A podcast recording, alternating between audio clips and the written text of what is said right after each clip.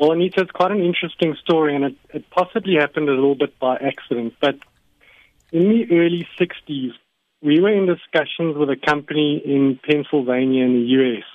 And the name of that company was called Atlas Minerals.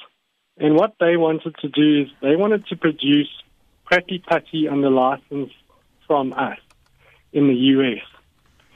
While we were still in discussions with them, their sales team or, or reps kind of got a little bit ahead of themselves and they went off to NASA and sold NASA on the idea of using Pratley Putty.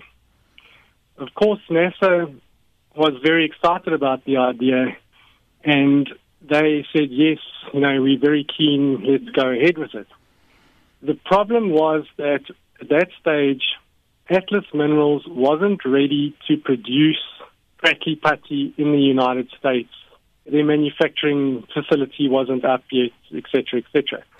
So what actually happened is the product that was used, and it was used on a spacecraft called the Ranger spacecraft, which was one of the precursor missions to Apollo. They were the NASA was sending up spacecraft to the moon to basically survey the moon and take photographs of it and eventually sort of crash the craft into the moon.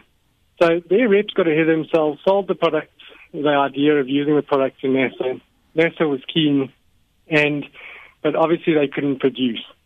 So what actually ended up happening is the product which was used on the Ranger mission actually came directly from South Africa, from Krugersdorp, which was quite a interesting thing because in those days, during the space race, NASA had a policy and the Americans had a policy of only using American made products.